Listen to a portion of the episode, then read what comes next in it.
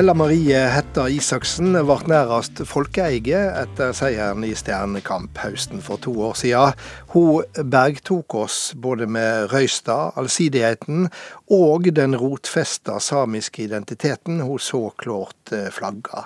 Med bandet Isak setter hun stadig tydelige avtrykk i det norske musikklivet, og akkurat i disse dager kommer en ny singel kalla Ein Do, samisk for Fremdeles din.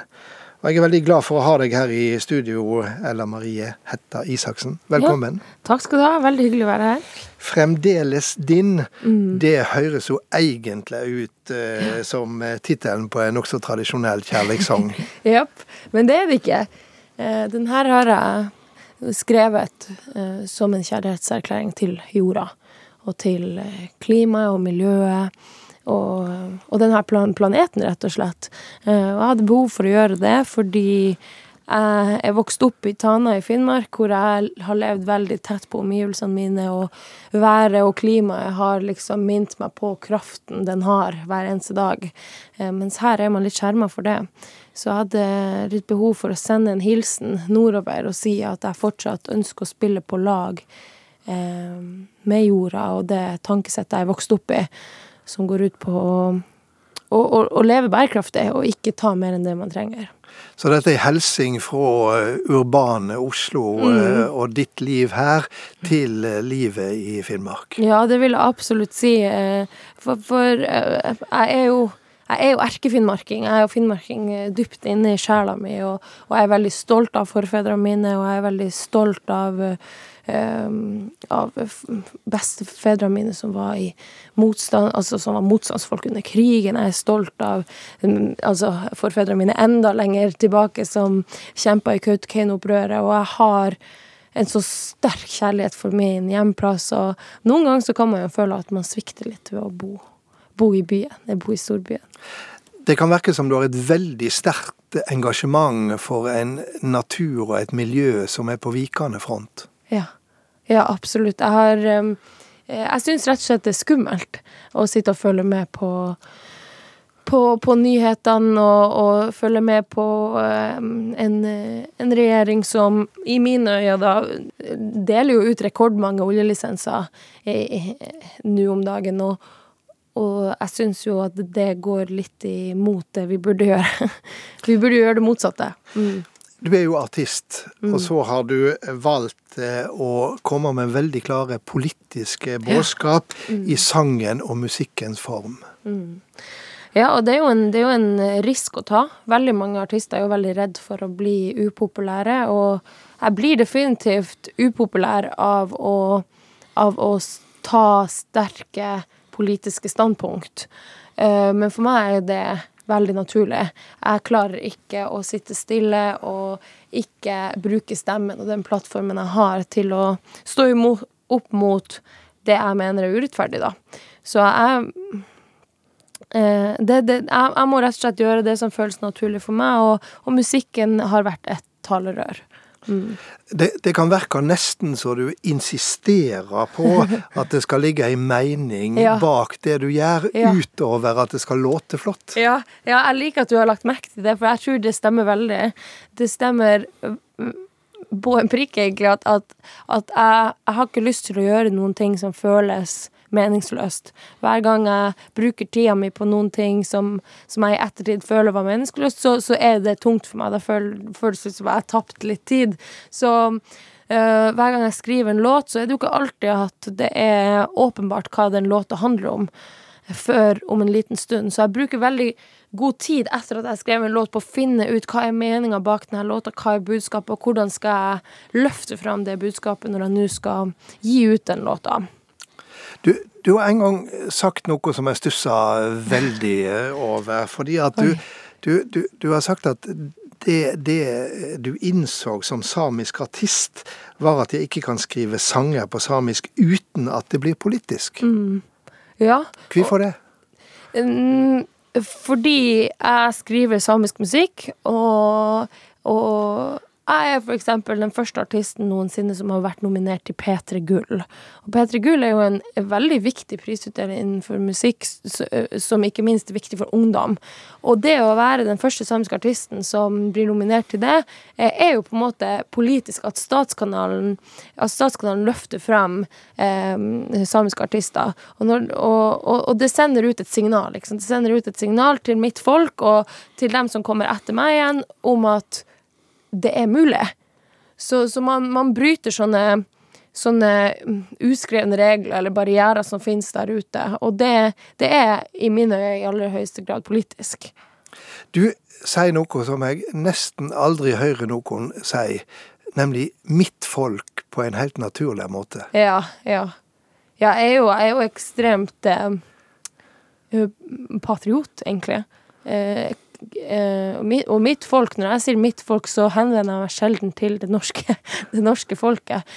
For selv om jeg er, jeg er norsk jeg, ja, Om man skal begynne å, å veie på DNA-et, så er jeg nok like norsk som jeg er samisk. Men den stoltheten og den eh, sterke identiteten jeg kjenner på, det kommer jo eh, mest fra det samiske. Og det, det, det Derfor, når jeg snakker om mitt folk, så, så er det det samiske folket. Mm, og den fellesskapsfølelsen jeg kjenner der, det, det får jeg ingen andre steder. Nei, for du, du har jo også flere ganger snakka om at du har lyst til å løfte fram mitt folk, mm. som du sier. Mm. Ja, og, og, jeg tror ved å si det, og ved å si det som du sier, så naturlig, uh, så tror jeg jeg, jeg jeg bidrar til å bygge en fellesskapsfølelse. Jeg bidrar med å bygge en selvfølelse. Og ikke minst bygge opp en selvfølelse som har vært ganske kraftig, ganske kraftig nedtrykt. Så, så jeg syns at um, for noen som ikke kjenner historien, så kan det høres usympatisk ut, men jeg tror det i aller høyeste grad er viktig å bygge opp igjen det som har vært revet ned.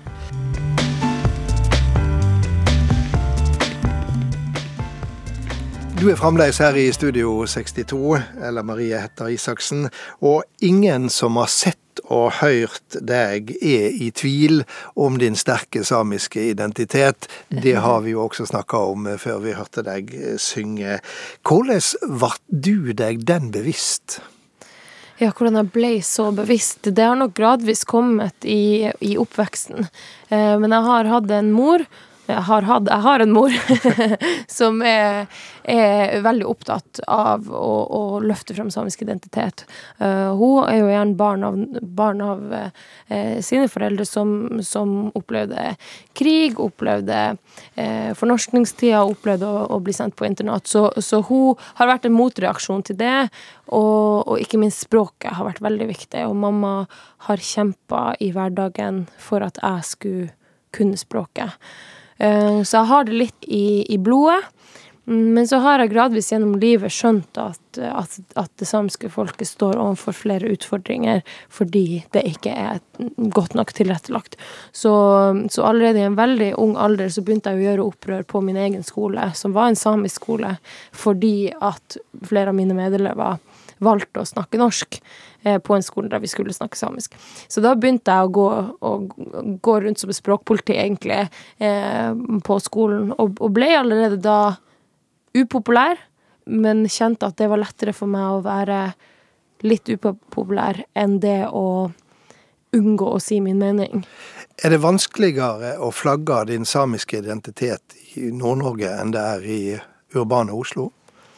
Eh, både og. Eh, den mest Eh, meste rasismen jeg har opplevd, eller diskriminering jeg har opplevd, har jo vært i Nord-Norge og i Finnmark. Og der har man jo historiske gnisninger mellom dem som ikke identifiserer, seg som samisk, altså ja, nordmenn, og samer, da. Og det er jo veldig mange arealkonflikter og eh, retten til land og vann, ikke sant. De her type konfliktene som, eh, som har vært Altså der man har levd mye mer tett på de konfliktene nordpå, så, så det er mer sånn, eh, hva skal man si diskrimineringene og, og fordommene går litt i arv der, der oppe.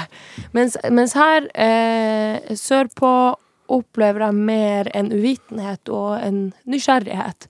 Så her, her, her kan man liksom føle iallfall at man begynner litt på nytt. Altså her er det litt mer blanke ark, og det kan jo være behagelig til tider. Men eh, jeg har opplevd eh, vonde ting her også. Jeg har lyst litt tilbake til musikken, men eh, ei spesiell musikkform, nemlig joiken, som du også brukte under Stjernekamp, og som gjorde et veldig sterkt inntrykk på alle som eh, så på deg. Hva, hva har joiken betydd for deg? Eh, joik eh, har jo ikke bare vært en musikkform i, i min oppvekst. Eh, Jeg har jo fått min egen joik av min tante, og det var jo en gave jeg fikk av henne, som skulle styrke min selvfølelse, og hver gang jeg kom på besøk, så, så joika hun meg. Så det blir jo brukt også uh, i oppdragelse, i historiefortelling. I barnehagen har jeg lært, lært joiken til, til haren, til reven, til bjørnen, for å uh, lære å kjenne eh, naturen til de ulike dyrene. Så jeg, har, jeg har hatt eh, joiken med meg fra, fra, fra jeg var liten, veldig liten, og den har spilt ulike funksjoner i løpet av livet, og nå har jeg jo tatt den i bruk i popmusikk, og det er jo kontroversielt for veldig mange. Um, og jeg føler at liksom reisen min med joik, den har egentlig så vidt begynt. Jeg har veldig mye jeg har lyst til å lære, og jeg har veldig mye um, jeg har lyst til å dykke inn i. Er det et slags eh, sjelespråk? Ja, det vil jeg si. Det er, det er et sjelespråk, og det er Man kan på en måte ikke sammenligne det med å synge, for eh, for det, er, for det første er to helt ulike tek teknikker, men målet med joiken er jo ikke at den skal høres fin ut, tror jeg, mener jeg. Det er jo, det er jo mer at, eh, at det er et sjelespråk, som du sier, og det er en måte å kommunisere med seg sjøl på, og kommunisere med forfedrene sine på, og ikke minst eh, kommunisere et budskap ut, mye sterkere enn det jeg gjør via en vanlig sang. Det kan jo virke som du har tatt joiken inn i, i populærmusikken, som du var inne på, men også så det nesten så du leker deg med den Ja. i, i den. Ja, absolutt, og, og det har eh, jeg vært veldig bevisst på, og har tenkt eh, godt og lenge før jeg har gjort det. Eh, jeg syns jo det er et viktig prinsipp at man skal vite hva man leker med. Eh, akkurat som jeg bruker å si når folk spør meg kan jeg ta på meg kofta, eh, hvis de er usikre på om de er samisk nok til å ta på seg kofta, så bruker jeg å si at eh, du må vite hva du bærer, før du bærer den. Ikke sant? Mm, og det er litt det samme med joik, at du skal vite hva du leker med før du man begynner å eksperimentere. Og jeg kan tradisjonell joik, jeg er vokst opp med tradisjonell joik, og, og derfor føler jeg også at det er en trygghet inni meg. Jeg er trygg nok til å kunne leke meg med det og se, se om det fins andre potensialer i joik. Og jeg tror jo også at ved å ta det inn i popmusikken, så bidrar man jo til at den overlever. Apropos det med trygghet. Du er fra Tana, men flytta til Alta for å gå på videregående. Du har også vært åpen om ei tung ungdomstid der du sleit med både ensomhet og, og eh, angst. Jeg hadde ikke det bra fordi jeg begynte å tvile på min egen tilhørighet og min egen kultur, har du sagt. Ja, og jeg tror at, at det er jo på en måte bærebjelkene i ditt liv og hvem du er. Hvis ikke du eh, står støtt i, i, din kultur, altså hvis ikke du får aksept for din eh, etnisitet eller bakgrunn, og begynner å stille spørsmålstegn ved de tingene, da er det veldig mange andre ting som raser sammen.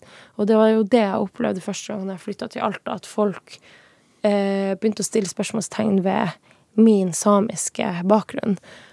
Og det var vanskelig for meg å stå opp for det sånn som jeg gjør i dag, fordi eh, jeg hadde vokst opp i Tana hvor alle rundt meg var samisk. Jeg tok det for gitt at det å være samisk var en fantastisk ting. Det, det beriker livet, liksom. Men når jeg kom til Alta, så var ikke det tilfellet, og da eh, da var det veldig mange andre ting som sagt som raste sammen, blant annet min psykiske helse og, og mitt generelle selvbilde, liksom. Og du fikk høre at du var hårsår eh, når du sa fra om at du ikke hadde det bra. Ja, og jeg syns det er et forferdelig ord, egentlig. Jeg syns det er forferdelig, og spesielt å si til unge folk. Eh, For det her kom jo ikke bare fra mine medelever, men fra andre også rundt, og kalte meg hårsår og sånn. Og, og når du kaller noen hårsår, eller man sier at nå er du krenka, så tar man fra den andre personen muligheten for å sette sine egne grenser. Man tar fra den andre personen muligheten for å si ifra. Og, og det, det syns jeg er en ukultur, og det syns jeg vi skal slutte med, fordi eh, Fordi hvis man er lei seg, eller blir krenka, som noen liker å kalle det, så er det en naturlig reaksjon, og det er ikke et valg. Og det kommer jo av historiske ting som Jeg bruker å si jeg har arva en samisk smerte, og den ligger i, i ryggmargen min, og den har jeg arva, og den kan jeg på en måte ikke gjøre noen ting med. Eh, annet enn å prøve å gjøre det beste for de kommende generasjonene. Men jeg er nødt til å leve med den bagasjen. Eh, og da, da reagerer jeg også hvis jeg opplever at noen er stygg eller urettferdig mot meg. Det var en uh, ung gutt som skrev i Aftenpostens sidespalte at joiken din hadde gitt han kraft til å leve med sine psykiske problemer. Ja. Det er sterke tilbakemeldinger. Ja, det, det var, jeg kommer aldri til å glemme første gang jeg leste den det innlegget der. Og det var jo midt i det her Stjernekamp-sirkuset, eller mot slutten, riktignok. Og jeg sto i et enormt press på den tida, og, og det, det, som var så utrolig merkelig, var jo at når jeg gikk på scenen og joika Masi, så var jo aldri planen min å utløse en sånn bølge som det ble av følelser hos folk. Og det var en sånn følelse av at hva i alle dager er det jeg har gjort, på en måte. Det var jo masse positiv respons, men det var en sånn følelse av at det her var ute av min kontroll. Så det var litt Joikens kraft? Joikens kraft, og det var Jeg føler at jeg bare stilte meg til disposisjon for den. Jeg var ikke Jeg var på en måte ikke den som satte det i gang. Det, det, det høres helt sjukt spirituelt ut, men det føltes ut som det var noe som kom inn i meg og utløste det. Og, og det som var så rart når jeg leste det innlegget, var jo at jeg kunne kjenne meg igjen i han. Og, og det var så fint at han skrev det, samtidig som det var veldig vondt. Eh, vondt å, å, å kjenne på at eh, han hadde det så vondt, og at jeg hadde berørt han uten å vite hvem han er. Mm. Ikke sant? Det er veldig spesielt. Fra det vonde til det kanskje ikke fullt så, så, så, vonde. fordi at akkurat nå i oktober så er det jo to år siden du fikk et voldsomt nasjonalt gjennombrudd eh, mm. gjennom Stjernekamp. Eh, hva har det betydd for deg? Det har vært eh, startskuddet for min, min karriere. Altså. Året som kom etter 2018, var jo, eh, var jo et brakår for meg og Isak, bandet mitt. Så vi spilte over 100 konserter i fjor. Um, gjorde, gjorde, det kjempebra, og jeg følte at jeg levde drømmen min. Og så ble det jo en bråstopp nå i 2020, men, men, jeg er utrolig takknemlig for den, det året jeg fikk i fjor etter, etter Stjernekamp. Altså.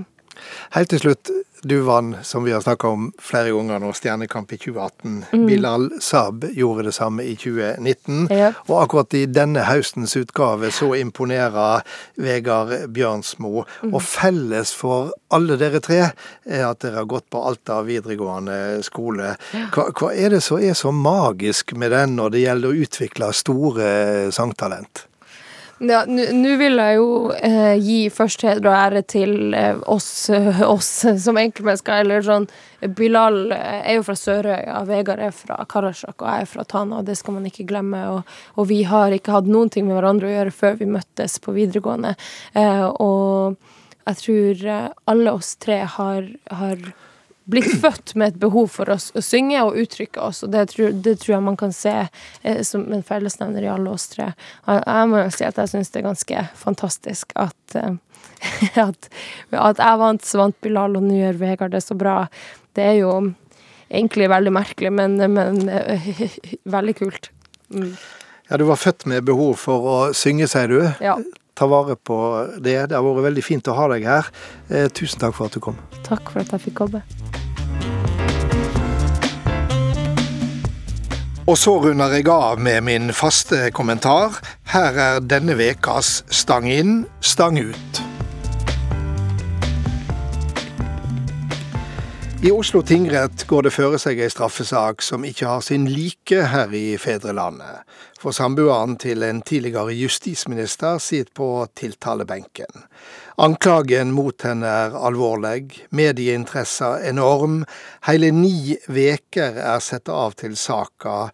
Det er lenge, det. Lenge for alle som følger interessert med og freista holder oversikten. Lenge for aktørene i saka, men lengst er det for henne med en anklage mot seg som et helt samfunn står bak. Jeg skal ikke plage dere med mi mening om det som går føre seg i tinghuset her i hovedstaden, men jeg kan bruke litt tid på å reflektere rundt at vi burde hatt ei slags daglig forbrukerveiledning for slike lange straffesaker. Vi burde hver dag blitt minna om at rettspendelen svinger, fram og attende. Den ene dagen er det anklagerens tur, den neste kan være forsvarerens, og den tredje kanskje de sakkunniges. Slik maler rettens kvern seg framover, og slik er det også så lett å tru at vektlegginga akkurat den dagen er det som avgjør skyld eller frifinning.